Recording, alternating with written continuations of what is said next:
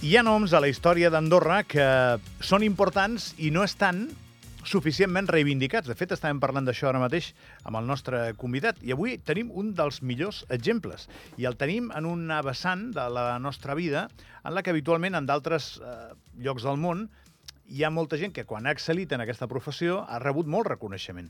Aquí a Andorra no hem estat, crec, que massa pendents de donar-li la transcendència que té el nom de Cèsar Martinell. César Martinell, eh, l'any 2023, aquest any, es commemora el 50è aniversari de la mort d'aquest senyor, un arquitecte que va estar vinculat amb Andorra en la vessant d'arquitecte dedicat a la conservació del patrimoni arquitectònic religiós, però no només, perquè també tenim una edificació bastant popular del nostre país, que és obra seva, però no només amb el tema de d'aquesta dedicació a la conservació del patrimoni arquitectònic religiós ja trobaríem una vinculació suficient en la carrera de César Martinell com per considerar-lo una autèntica referència. Avui m'acompanya Max Vela. Max, bon dia. Bon dia. El Max és arquitecte tècnic, treballa al Departament de Patrimoni Cultural i ens ve a explicar això que és la peça del mes de l'Arxiu Nacional, que és reivindicar la figura d'aquest senyor.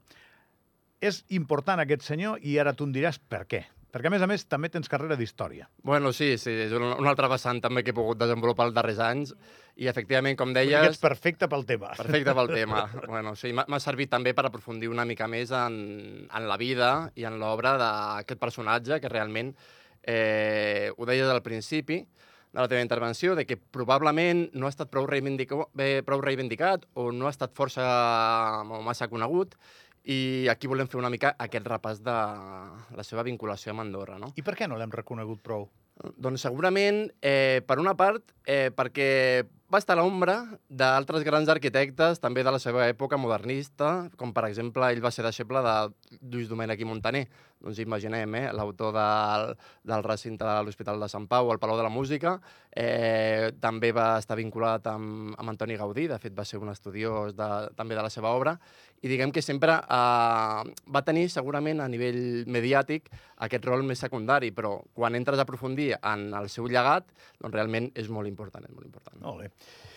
Bé, la, la Torre dels Russos, l'edifici, sí. del, la, la casa dels russos, com li he de dir? Bueno, se li pot dir de les dues maneres. De fet, popularment se la coneix, se la coneix de les dues maneres. I, curiosament, bueno, aquest any, que precisament tenim l'obra del David Galvez parlant, pa, parlant d'aquest edifici, sí, l'he llegit i al final, segurament, pel que es, es vulgui introduir una mica en tot el que va ser aquell període, el per què d'aquell enclau de, de Sant Jordi, doncs té un bon lloc eh, com a recull, com a mínim, de les diferents vessants que estan relacionades i també fa menció, òbviament, al, a l'apartat de César Martinell amb, amb la casa. El David Galvez està molt en forma, no cal que li mengem l'orella, perquè ell ja està prou content, m'imagino, però el llibre està molt bé. Eh? Sí. I vas anar a la presentació, tu, Max? No, no vaig poder, no vaig tenir oportunitat. Va un moment fascinant de la presentació, perdona el parèntesi, que sí, això sí, m'acostuma a passar, eh?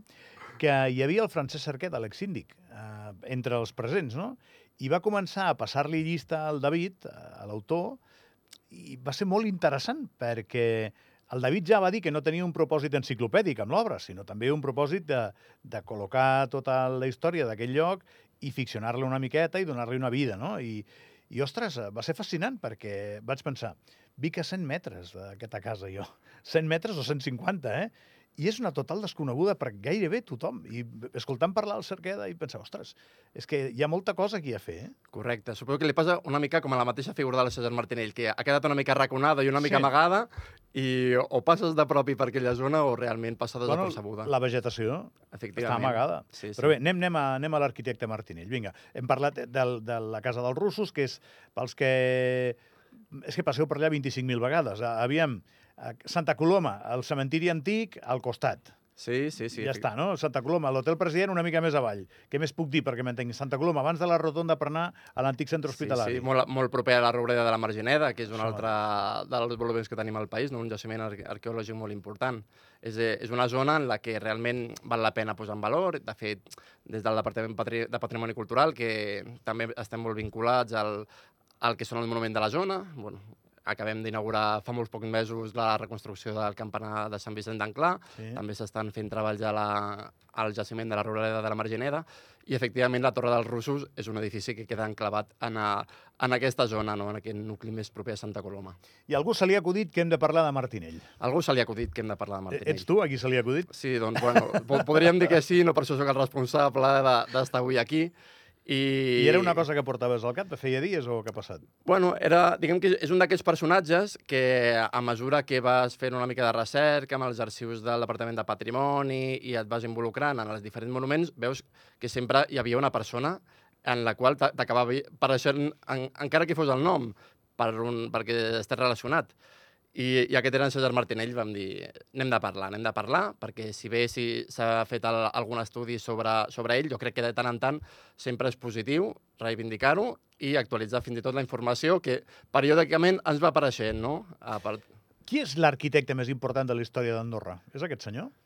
Segurament eh, César Martinell és un dels arquitectes coneguts eh, o coneguts fora de l'àmbit andorrà eh, més, més importants que han passat per aquí. Això, això segur. A nivell monumental, probablement segur, no? A nivell monumental, jo no tindria cap dubte, sobretot perquè entre... Vaja, durant tota la dècada dels anys 60 i fins principis dels 70, la persona de referència en l'àmbit de la intervenció i la restauració del patrimoni andorrà va ser ell va ser ell. De fet, des del moment en què el Consell General... Al mateix temps, la restauració, la, les obres, evidentment, no sabem qui les va dissenyar, perquè són molt antigues, sí, són romàniques. Sí, estem parlant de molts segles d'antiguitat. Però li hem de donar protagonisme, també, no? Li hem de donar protagonisme perquè al final hem de pensar que cadascuna de les intervencions que pateix una església doncs, li està deixant una petjada. I alhora li està deixant aquesta empremta que forma part de la seva història. En el futur, quan s'estudi què es va fer, com, com estem fent ara, a la dècada dels anys 60, per exemple, doncs podem arribar a determinar la petjada que, que va deixar en Martinell. Perquè, les, evidentment, hi havia una situació prèvia de les esglésies que calia intervenir perquè l'objectiu és allargar la vida d'aquests edificis i cada intervenció doncs, té les seves peculiaritats. Molt bé, i dins d'aquestes intervencions, tu amb quina et quedes, Max?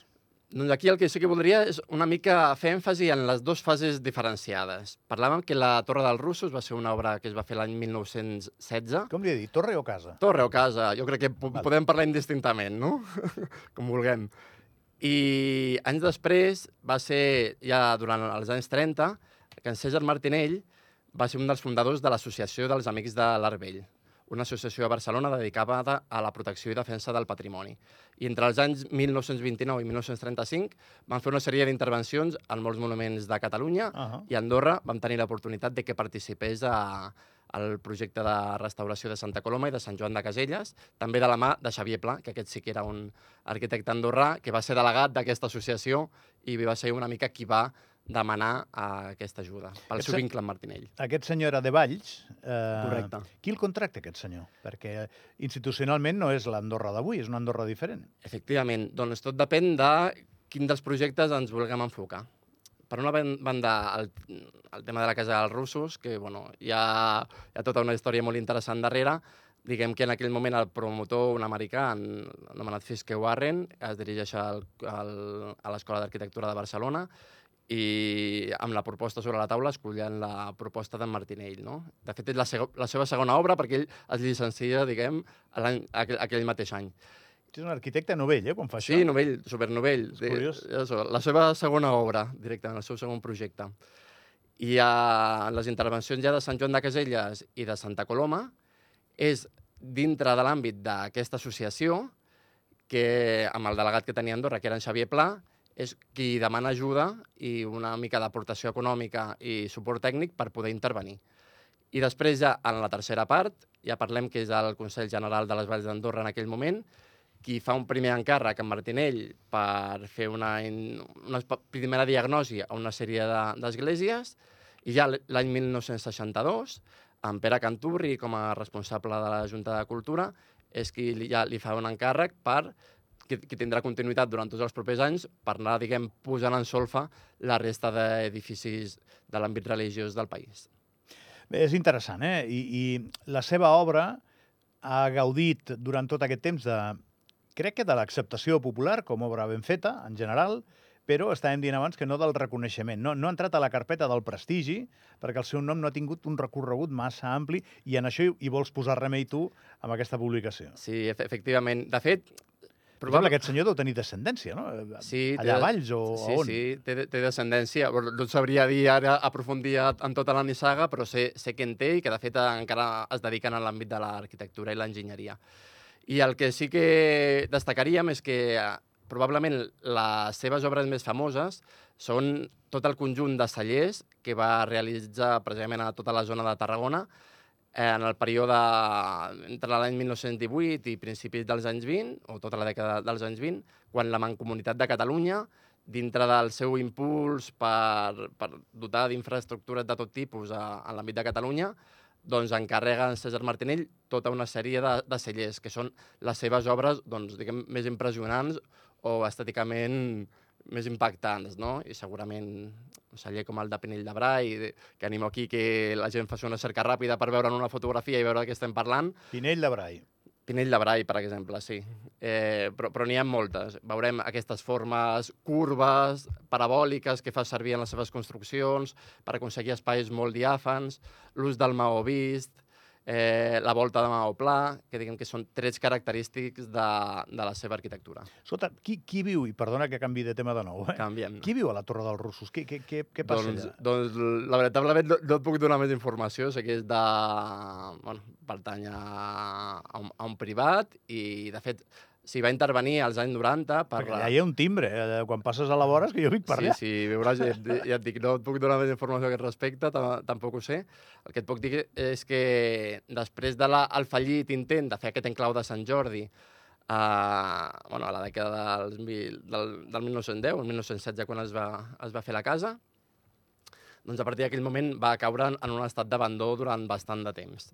De fet, hi ha alguna referència en el moment en què Ah. precisament Martinell, als anys 60, està per aquí, amb en Pere Canturri, dient bueno, l'estat d'abandó que, que té aquesta casa. I és als anys 90 doncs, que recuperant plànols fins i tot del projecte inicial, diguem si fa una intervenció de restauració en aquesta casa. Aquest programa és com un túnel de rentat, Max. Tu entres però no saps com surts, eh? O sigui, eh, I a vegades el túnel es pot espatllar pel camí, eh? No, aviam, entrem amb Martinell, sortim amb un arquitecte tècnic d'Andorra parlant d'arquitectura. Correcte. Uh, Andorra no hem tingut massa fe en una identitat homogènia, igual tret d'Ordino, em sembla que si ens mirem al mirall som un Frankenstein bastant evident. Eh? Uh, això un arquitecte tècnic l'agradeix les ulleres que portes o, o ho portes bé? El, tens un gust de l'estètica molt desenvolupat o no? Bueno, mira, relacionat amb això i vinculant-ho a la tasca de Martinell amb Andorra, pa parlarem, eh, també ho farem un incís, sobre la seva vessant de protecció més enllà del propi mo- monument. I és que Martinell també va arribar a fer propostes a demanda del Consell General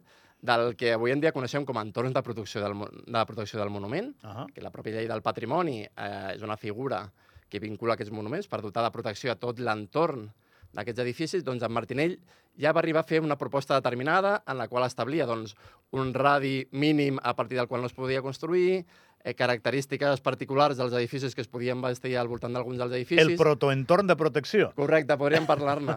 I, de fet, sí, i estableix que fins i tot, eh, com per exemple el conjunt de les bons, eh, que per fer-hi qualsevol intervenció s'havia de demanar autorització expressa al Consell General.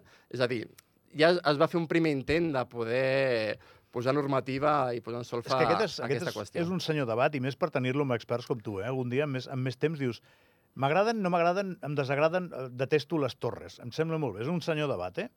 Però tu has vist dos edificis seguits iguals, Andorra la Vella i Escaldes, No, que s'assemblin una mica.